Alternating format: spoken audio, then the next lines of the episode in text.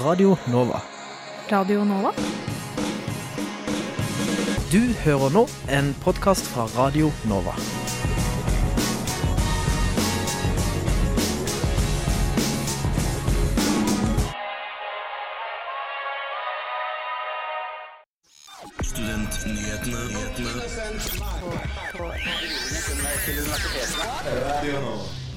Hei sann, god fredagsmorgen og velkommen til Studentnyhetene her på Radio Nova. Mitt navn er Magnus Tune, og med meg har jeg Nora Torgersen. Og dette her er noen av sakene vi skal gå gjennom i dag. Bunnpris saksøker SIO for 62,3 millioner. Du skal få høre fra lederkandidat Lars Førleide om hvorfor han syns han skal representere alle Norges studenter best. Vi tester Anker studentby i den ukentlige testing av studentbyspalten. Hvordan rangeres denne studentbyen i forhold til de andre? Og vi får en grønn studentpolitiker inn i studio. Men før det skal du få ukas nyhetsoppdatering.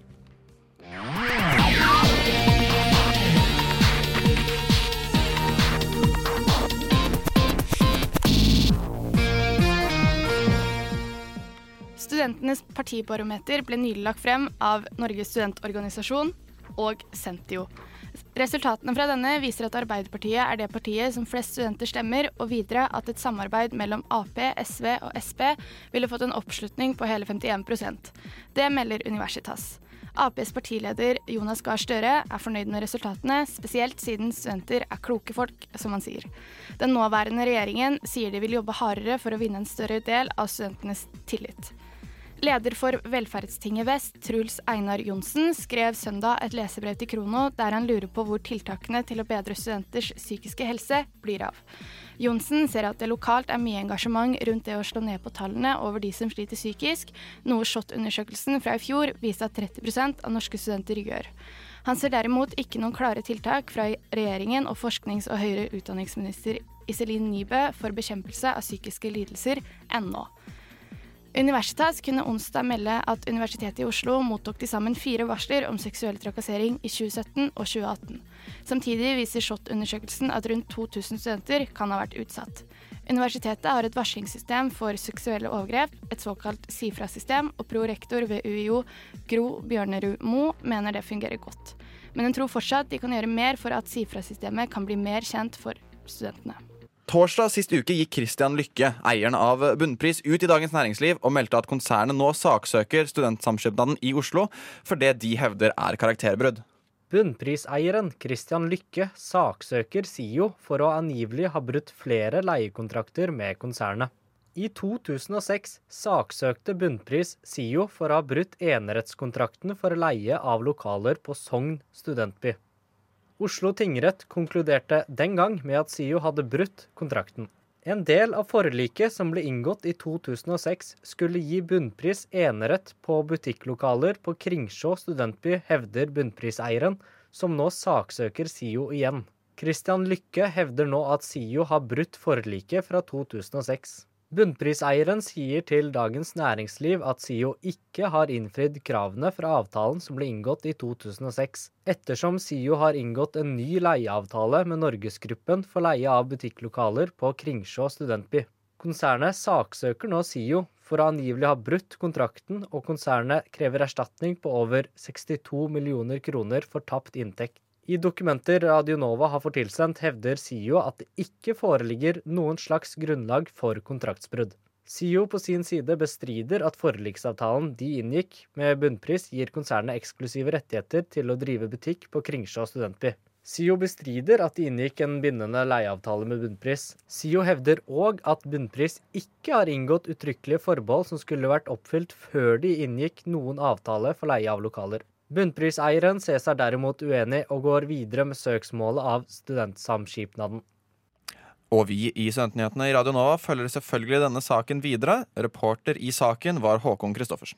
Og eh, snart går valget av ny leder for Norsk studentorganisasjon av stabelen. Og i den, i den sammenheng så har vi nå på telefon med oss uh, Lars Føleide. Velkommen til deg. God dag, god dag. Hei sann. Uh, jeg vil bare spørre litt uh, litt kjapt. Altså, kan du fortelle oss litt om hvem du er? Ja. Uh, ja. Lars Føreren, um, student på, på NTNU. Uh, begynte på masterstudium i informatikk i, i 2015. Uh, Og ble da valgt inn i studenting NTNU. Og, og har liksom gjennom en lang studiekarriere eh, gjort, vært veldig aktiv i, i både studentpolitikken og i forhold til det med studentvelferd. Og, og studentidretten og alle mulige engasjement egentlig innenfor blant studenter. da. Så, um, så jeg tiden var kommet for å ta steget videre. Og, så jeg var nå med på landsmøtet eh, i fjor og, og ble valgt inn i velferds- og likestillingspolitisk komité. Så nå tenker jeg å ta steget videre. Ja, uh, altså Hvorfor har du valgt å stille som leder når du sier at du vil ta steget videre? Men Er det noen spesifikk grunn for at det er nå du gjør det? Hvorfor ikke for et år siden, og hvorfor ikke neste år? Um, ja, Det var første gang jeg var med på landsmøtet i, i fjor. Og, det er nå når 181 delegater samles, og, og ja, man representerer 240 000 studenter, så er det litt sånn skummelt. så, så det er absolutt noe man, man tar når man føler seg trygg på det. Uh, det er veldig mye du skal, du skal gjøre riktig da, for å bli valgt. Mm. Uh, og det er veldig godt å vite hva NSO er og hva NSO gjør, før man, man vet hva man stiller til. Også. Ja. Hvordan syns du valgkampen har gått så langt? Ja, den har vært eh, veldig grei. Eh, Det har vært litt sånn interessant eh, eh, debatt òg i forhold til det med hvilken verdi man egentlig får ut av å være medlem av NSO. Så det har, det har vært litt kan du si, sunn debatt. da. Eh, For det studentkravet man har jobba for i mange år, man har ikke helt kommet i mål.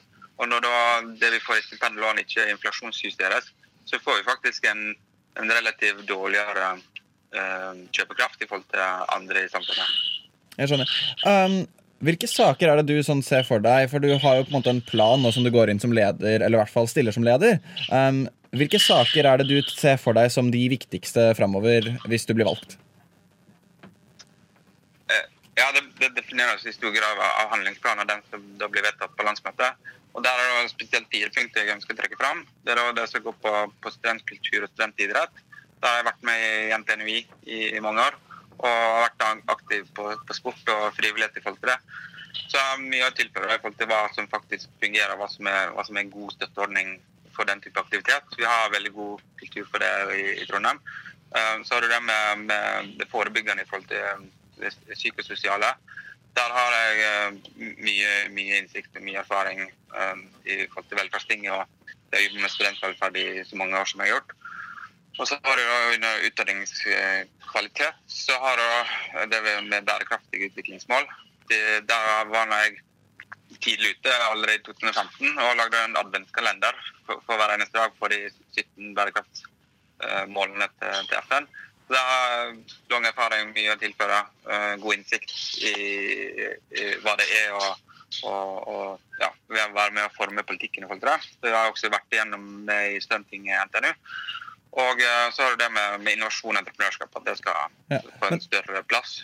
Men har du én sånn spesifikk hjertesak som sånn du personlig ønsker å virkelig få fram? For når du er leder, så er du på en måte en person, en talsperson som har litt ekstra kraft da, i organisasjonen.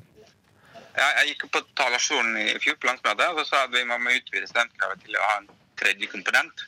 Og da var det spesielt studentidretten. At man skal ha gode støtteordninger og legge til rette for det. Så det har en veldig viktig forebyggende effekt. At studenter skal trives. Og det er også veldig, Forskningen viser at det har en, en god positiv effekt på, på det akademiske og det å prestere akademisk. Ja. Så ja, studentvelferd, kan du kalle det. Ja.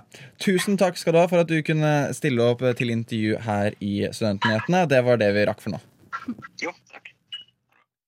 Og Nora, denne uken var jo du i en ny studentby. Det stemmer, Magnus. Jeg tok turen til Oslo sentrum og Anker studentby for å høre med en beboer hvordan det er å bo i akkurat denne studentbyen. Da har jeg, Nora Torgersen, ankommet Anker studentbolig her i Oslo sentrum. Altså ved Det er i Storgata. Denne studentboligen ligger jo da veldig sentralt. Denne studentboligen er da også eh, privateid. Ikke SIO er jo da en eh, studentbolig som man kanskje har hørt ganske mye forskjellige ting om. Skal vi lese anmeldelser? Oi, her. Oi, diskusjon. Nå er jeg inne på diskusjon.no. Her står det da at noen har eh, lest mye negativt om denne studentbyen, men at denne personen da mener at det er mye overdrivelse, og at det handler om hva man selv gjør det til, og at liksom rommene er fine, og de driver jo og puster opp mange boliger, og Oi! Hvis du skal dele badet og eller kjøkken med flere, er det alltid et lotteri om stedet blir trivelig eller et grisehus.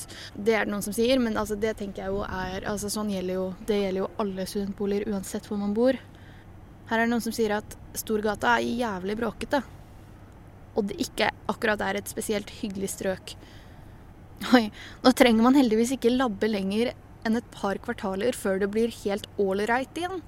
Og det er jo veldig sentralt med trikk og buss, så helt jævlig er det ikke. Det er det noen som sier på dette diskusjonsforumet. Så egentlig så kanskje det ikke er så veldig omstridt studentbolig som det ø, folk tror. Og Anker studentbolig har da ulike boliger i Oslo sentrum, på Grünerløkka og på Torshov, i, på Torshov og slash Sandaker. Den jeg har besøkt, ligger da i Oslo sentrum.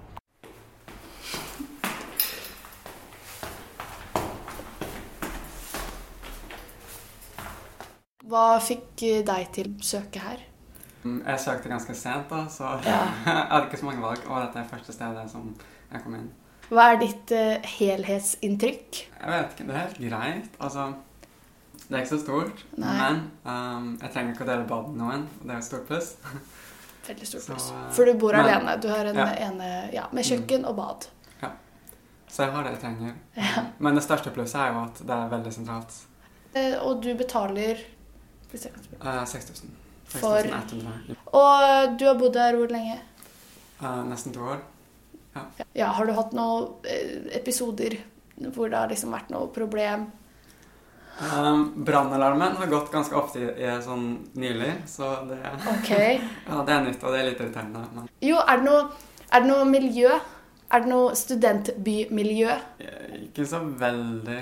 Dere har ikke noen um, F.eks. Eh, en, eh, en bar eller et eller annet som liksom kan samle de som bor her, liksom? Det er jo en liten en, men det er ikke så veldig mange som går der. Så. Nei, ok. Men det er jo et tilbud, i hvert fall. Ja. ja. Men sånn i gangene og sånn, er det pent og fint? Eh, jeg ville ikke sagt pent. Um, men det er ikke ille heller. Jeg vet ikke. Det er helt greit. Men jeg så ikke eh, på det uteområdet som jeg kom til nå var, Det var jo veldig pene bygg og sånn. Ja. Eh, hvordan er det å bo så sentralt?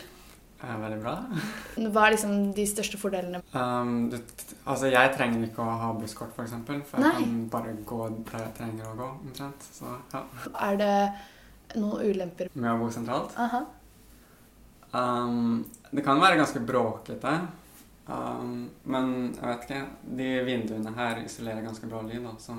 Okay. Ville du anbefalt Anker studentbolig til andre? Hvor viktig det er for deg å gå sentralt? kanskje? Eh, og ditt eh, sånn terningkast. Ditt endelige terningkast. Um, fire, kanskje? Det var meg, det, som snakket litt med Jørgen, som bor på Anker studentby.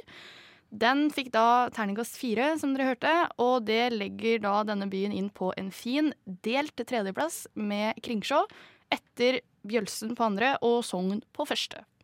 Og uh, de siste ukene har vi snakket med flere av listene på UiO angående det kommende valget, altså studentparlamentsvalget ved UiO. Og nå har vi fått besøk av en lederkandidat i uh, Grønn liste. Uh, Aksel Klanderud, velkommen. Tusen takk. Sa jeg det riktig? Det gjorde du. Strålende. så vi egentlig bare starte rett på sak. Altså, i fjor av ja, studentparlamentvalget generelt. Veldig få studenter som stemmer ved det valget. Og nå tenker du å stille som leder for Grønn liste, sant? Korrekt. Uh, hvordan tenker du at uh, dere skal få inn flere stemmer i år, ikke bare til Grønn liste, men til hele parlamentet? Jeg føler vi må spille på det som er i vinden. Grønn liste står for en veldig progressiv klimapolitikk, og det er noe tror mange studenter er interessert i at kommer til å bli innført på UiO.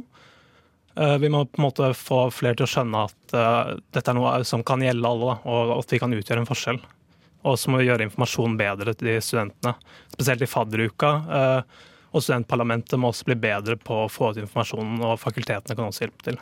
Mm. Er det noe dere som liste tenker å, å, gjøre spesielt, eller gjøre annerledes i år enn i fjor, for å få flere stemmer? For det er jo den politikken har jo på en måte alltid båret, men er det noen sånne småting dere tenker på dere kan gjøre annerledes? Ja, eh, Vi må egentlig bare fokusere enda mer og presse enda hardere. Eh, vi har fått en del gjennomslag, men denne saken her er utrolig viktig. Og det er utrolig viktig at vi ikke fortsetter å kjempe. Mm. Uh, hvor, hvordan spesifikt er det tenker, er dette klimapolitikk på UiO, eller er dette klimapolitikk i Oslo som dere liker å fokusere på? Vel, det er egentlig eh, begge deler, for UiO er ikke et vakuum. Vi er en del av resten av samfunnet, og hva som skjer på UiO, har uh, følger for resten av samfunnet. Hvis UiO implementerer en veldig progressiv klimapolitikk, så vil det sette press på andre universiteter som ikke følger etter. Det Politikere vil få det med seg. Så det er på en måte er, Universitetet kan bare gjøre det sine egne ting, men det vil påvirke resten av samfunnet. Ja. Um, Grønn liste har jo historisk sett gjort det relativt bra i, i hvert fall de uh, studentvalgene eller studentparlamentvalgene de siste årene. Uh, er det noe dere tenker på Håper dere på den sånn samme oppslutninga? Ser dere for dere at dere kan gjøre det enda bedre? Hvordan tenker dere, Hvor mange mandater sikter dere på i år? Nei, Vi kan gjøre det enda bedre. Uh, vi kan få 20% hvis vi vil. Det, det, er egentlig bare opp til hvor hardt vi kjemper for det. Mm. mm. Så du ser for deg at måte, deres målgruppe og de som vil stemme på dere, er der på UiO? Det er ikke det at uh, det er ikke politikken deres det er noe galt med, det er det at dere må bare få det ut til dem? Definitivt. Menneskene er der. Eh, vi må bare få politikken ut. Og jeg tror egentlig det meste er at folk ikke vet så mye om det her. Men jeg tror det er nok av potensielle velgere som resonnerer med det vi står for. Mm. Hvordan har det gått med valgløftene deres eh, fra i fjor? Vi har fått eh, gjennom litt. Eh, F.eks. vi begynner å få mer vegan og vegetariansk eh, mat i kantinene. Tilbudet er fortsatt ikke bra nok, men vi kommer til å fortsette på det. Vi har fått kuttavtalen med at man får brukt mat i en billigere penge, så vi får brukt mer, mer av ressursene uten å kaste. Vi har også fått rektor til å Vi, får, vi har på en måte fått en holdningsendring i gang. F.eks. at rektor prioriterer å reise til Gol istedenfor Roma. Det vil jeg si en ganske stor ting. Uh, veldig, ja, stor ting. Altså, det virker jo som en sånn hvor de reiser, er kanskje en liten ting. Hvorfor er det en stor ting for Grønn liste? Fordi det er en holdningsendring fra toppen av universitetsledelsen. At de ser alvoret. At vi ikke kan fortsette slik vi har gjort i alle år. Uh, at vi alle må ofre noe. Og at uh, vi må kanskje må tenke på at det trenger ikke være så ille å bare reise innenlands når man kan gjøre det.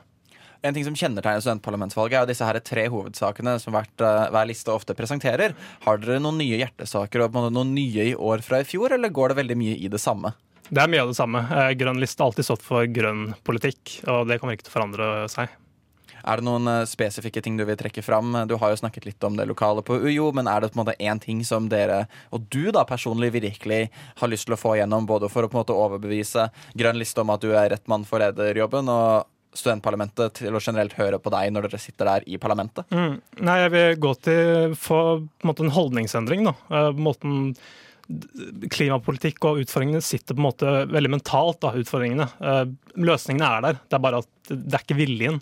Og Det er det vi på en måte må jobbe med. da. Så Det er, går helhet. Det går fra individuelle personer til ledelsen til samfunnet generelt. Og som sagt, Universitetet er ikke i et vakuum, uh, og det vi gjør, vil ha noe å si for hva andre tenker.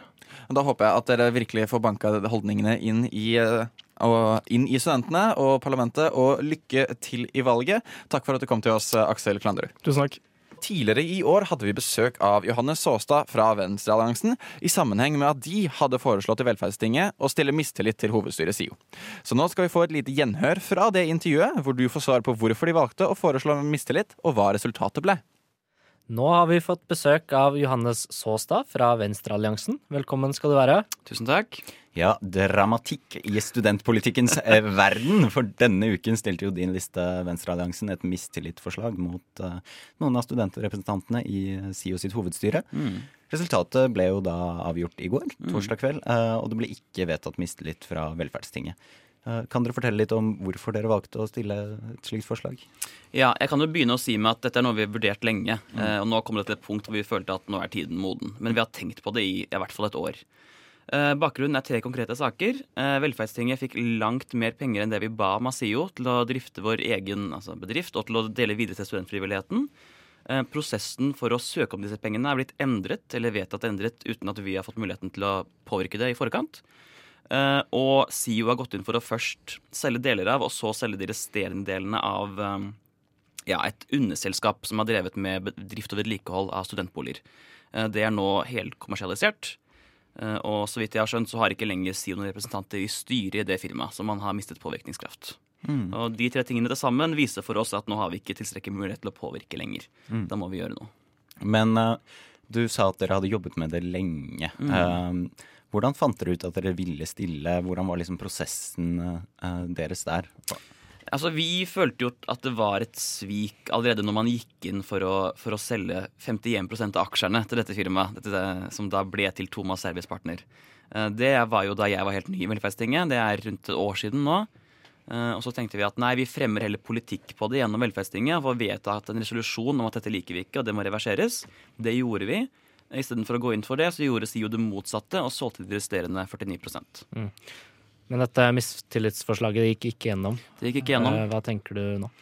Jeg tenker at nå hadde studentrepresentantene muligheten til å si tydelig ifra. Eh, Det lot man være å gjøre, og det setter en presedens for hva som er greit i framtida. Mm. Det er kjempeuheldig. Mm. Eh, men det kom jo fram på møtet i går at det var ganske mange som var enig i at kommunikasjonen ikke hadde vært på topp, men Mm. at de syntes det, det å stille mistillit eh, var er kanskje et litt drastisk eh, tiltak. Hva tenker du om det? Jeg tenker at det er mange måter man kan jobbe for å påvirke unnskyld, påvirke SIO og hovedstyret på. Men de er ikke bundet av vår politiske mening, studentene i hovedstyret. Den eneste tingen vi kan vedta som har effekt uavhengig av om de er enige med oss eller ikke, det er mistillit. Og Derfor mente vi at vi var der nå hvor det var nødvendig å gjøre. For vi føler oss ikke hørt. Mm. Hvilken type respons har dere fått fra Velferdstinget og andre innenfor studentpolitikken? Um, vi har fått noen støtteerklæringer. Uh, også Den generelle responsen fra Velferdstinget har vært at vi er enig i argumentasjonen for at dette er kritikkverdig, men vi er ikke enig i at mistillit var veien å gå. Mm. Og det er respektabelt. Og vi har gjort et poeng ut av å ikke lobbe for meningen vår. For vi ønsker at Velferdstinget skal ta stilling til det. Med tanke på mistillitsforslaget og resultatet av det, hvordan blir veien videre for Venstrealliansen? nå? Nei, altså Vi skal fortsette å være en tydelig stemme i vår kritikk. Og så håper jeg jo at selv om det ikke eh, mistillitsforslaget ble vedtatt, så, så var det et tydelig signal at det kom. Så vidt meg bekjent, og så vidt Velferdstinget bekjent, så har det ikke skjedd før at man har stilt mistillit mot hovedstyret i, i SIO. Så forhåpentligvis så endrer det veien, og kanskje de Kanskje de føler at de sitter litt mindre trygt, da, og at det er et større behov for å lytte til velferdsting i framtiden. Eh, Det var eh, det vi rakk. Tiden er knapp. Eh, Resultatet ble jo da at det ikke ble gjennomført et mistillit mot eh, SIO sitt hovedstyre. Men tusen takk for at du kunne komme, Johannes Saastad fra Venstrealliansen. Så det ble altså ikke stilt eh, mistillit, men kanskje hovedstyret SIO har blitt litt pisket i gang. Eh, Reporter i saken, saken var Håkon Christoffersen og Martin Mathias Nøding. Yeah, I can tear me down better I don't need your help. I don't need your help. You've been pouring gasoline in your living room. Light a cigarette while you complain about the fumes. Who are you to talk? Who are you to talk? Who are you to talk? You're so shook when I catch on fire.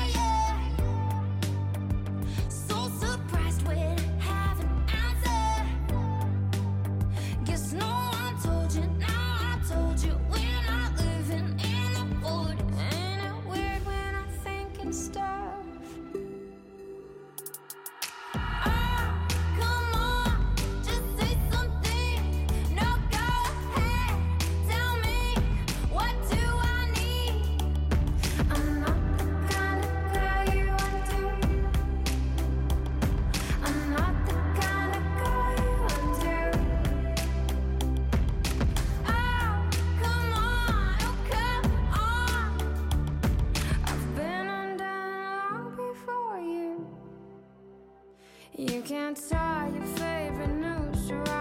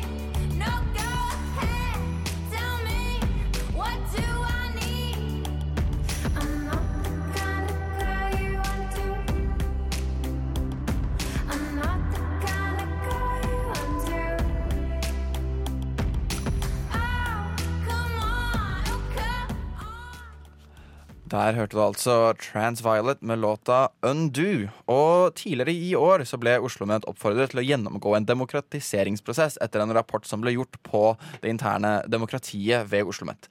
Den prosessen innebærer annet å gå fra fakultetsråd til fakultetsstyrer. Men hva er egentlig forskjellen? Og vi er tilbake på emneknaggen. Vi snakker om Oslo Met sitt universitetsdemokrati, og om det demokratiet fungerer.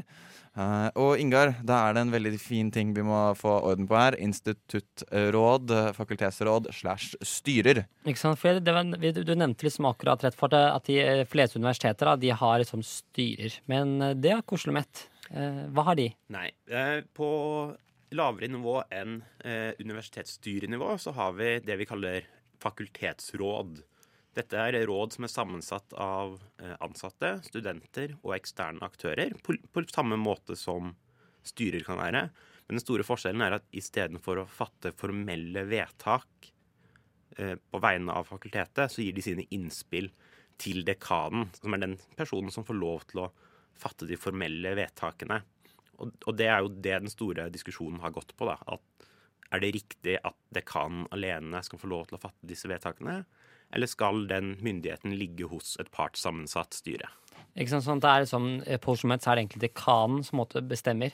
Ja, på, på Ja. fakultetet så er det dekanen nesten alene som fatter veldig mange beslutninger. Men, men altså, dette rådet det består ikke av representanter fra fakultetet, men outsourca representanter, for å si det sånn, da, som rådfører? Nei, altså De består jo av representanter fra fakultetet. De er valgt, eh, de er valgt helt demokratisk eh, blant de ansatte, blant studentene, og det er hentet inn eksterne representanter eh, fra de fagfeltene man berører. Ah. Men de har ikke den formelle myndigheten til å fatte vedtak og legge opp de strategiske beslutningene. Det er fortsatt opp til dekanen. Og det gjør jo så det, det egentlig ikke gjør noen forskjell hva de anbefaler, all den tid dekanen selv avgjør det i siste omgang. Men jeg føler, det har ikke alltid eh, vært slik på Oslo OsloMet og tidligere Høgskolen i Oslo og Akershus. For i 2015, da var det annerledes. Ja, dette er jo noe som kom litt sånn overraskende på veldig mange. Fordi før 2015 så hadde vi jo også valgt rektor. At studenter og ansatte valgte hvem de skulle ha som rektor gjennom en demokratisk prosess. Og så gikk vi over til det som kalles enhetlig ledelse, der rektor er ansatt direkte av styret eh, og fungerer både som faglig og administrativ leder for hele organisasjonen, og ikke er styreleder. Samtidig som dette ble gjort, så gikk man bort fra fakultetsstyrer og gikk inn til fakultetsråd. Måten det ble gjort på, har det også vært en del eh, diskusjon rundt, fordi styret selv mente at de ikke hadde fattet det vedtaket konkret, men at det kom som en følge av et annet vedtak uten at alle styremedlemmene egentlig hadde forstått at det hadde blitt gjort. Men, men hva er liksom fordelene med et, et fakultetsråd framfor et fakultetsstyre? eh, hvis man ser det fra et administrativt standpunkt. Altså, Hva får man ut av et råd? Ja, fordelen er jo at man har en tydeligere eh, linje. Dekanen svarer til eh, rektor og styre, og ikke til et, sty eh, ikke til et fakultetsstyre som eh, ikke er en del av den sentrale administrasjonen. Så, så det man håper, er jo at det skal gi mer effektive eh, linjer i organisasjonen, der beskjeder går eh, rett opp og ned, og ikke ut på fakultetene på den måten det har gjort eh, Eller det kan gjøre noen steder. Så det er en effekt effektiviseringsprosess? Ja, blant annet så er det en effektiviseringsprosess og tydeliggjøring av eh, hvordan organisasjonen skal driftes.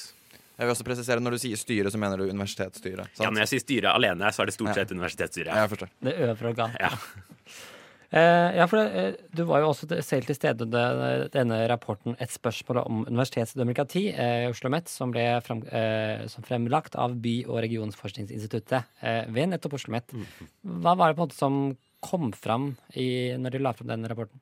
Nei, jeg syns jo den, den rapporten peker på veldig eh, mange interessante ting. Og den peker på en del ting jeg opplevde selv som fakultetstillitsvalgt eh, tidligere.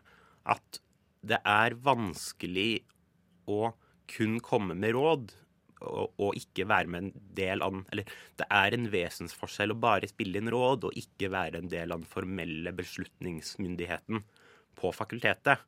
Og det var spesielt det de ansatte opplevde. At før hadde de vært med på å kunne stake ut kursen eh, på fakultetet, mens nå er det ikke engang helt tydelig hvilke råd de egentlig gir. Ja, altså Betyr det liksom at det er, liksom at det er blitt et toppstyrt system? At det er liksom de re rektoratet og liksom de øvre organene som bestemmer? Eller? Ja, Det er i hvert fall det mange opplever det som. Når man ikke kan være med på å bestemme selv, så blir det jo også Så føler man at eh, beslutningene kan bli tredd ned over en. Og vi håper at disse beslutningene tar mer hensyn til de som er en del av demokratiet på Oslo-møtet i framtida. Vi følger den saken videre også, nå som høringene er ferdig, og vi får vite om de skal gjennomgå denne demokratiseringsprosessen. Reporter i saken var meg, Magnus Tune, Ingar Jakob Feiring, og intervjuobjektet var Rune Keiske Kosaka. Og Studentnyhetene er på vei um, ut av denne fredagen, og vi skal snart ønske god helg. Men før vi ønsker god helg, så må vi liksom spørre hva er det vi skal i helga? Uh, vi har fått med oss en til i studio her, medlem av Studentnyhetene. Josefine Itreide Bjørstad. Hei sann. Uh, og vi kan egentlig bare starte med deg. Hva er dine planer i helga? Eh, Mine planer i helgen er egentlig ikke så mye, fordi nå er det veldig mye på skolen, så det ender med at jeg kommer til å sitte i helgen og jobbe med det, tror jeg. Kjipt. Veldig kjedelig. Veldig kjedelig. Sånn og, er det. Og uh, du, Nora, hva er planene dine? Eh, jeg tenkte jeg skulle dra på loppemarked. Det Oh. er på uh, Høyenhall, eller. Jeg husker ikke hva det heter. Høyenhall ungdomsskole? Jeg- Videregående? vet- Barneskole? Jeg, jeg veit ikke, ikke, men jeg har i hvert fall lyst til å dra dit. Uh, Ellers så må jeg sikkert uh, jobbe med skole. Er det noe spesielt du leter etter? Uh, masse, bare masse forskjellige ting. Jeg har bare lyst på liksom ting. Er du en sånn storsamler? Nei. Eller kanskje på sånn Nei, egentlig ikke. Jeg har bare lyst på liksom vaser og forskjellige sånn Jo, malerier. Altså bilder har jeg lyst til å se etter. Litt å henge opp i studentboligen, så den blir litt koseligere? Så den blir koseligere. Ja, stemmer. Eh, Det er ikke så, ikke så koselig nå. Så vi må få opp litt bilder. Ja, Men uh, jeg tror jeg vinner uh, morsomhetene i helga. Okay. Fordi uh, jeg har bursdag i morgen, på lørdag. Nei, har du det? Jeg blir 24 år gammel. Ha, nei! Jo. Da må vi jo spille bursdagssang. Vi skal ikke spille bursdagssang, men jeg skal altså, uh, i den anledning skal jeg og kjæresten på um, Vi skal på Phantom of the Opera på Folketeatret. Å, så gøy. Mm. Veldig gøy. Skal dere spise først? Vi jeg tenker, tror vi skal spise først, og så gjøre et eller annet koselig etterpå. Uh, men det gleder jeg meg i hvert fall veldig veldig til. Det er kjempelenge siden jeg har vært på noe musikal eller teater. i Ja. det hele tatt Sist var vel egentlig jeg så Book of Mormon for sånn et år siden. Den er også skikkelig bra, jeg har hørt. Veldig, veldig bra.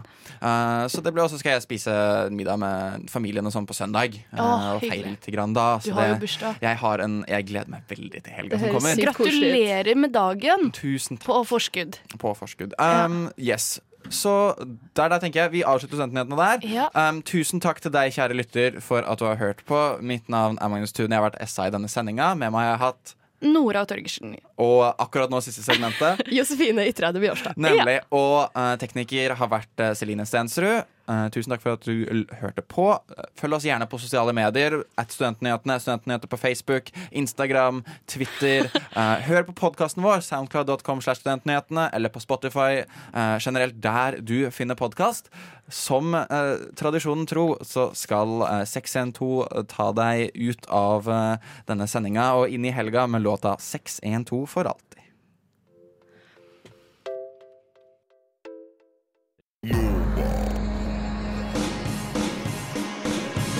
Du har hørt en podkast fra Radio Nova. Likte du det du hørte? Du finner flere podkaster i iTunes og på våre hjemmesider radionova.no.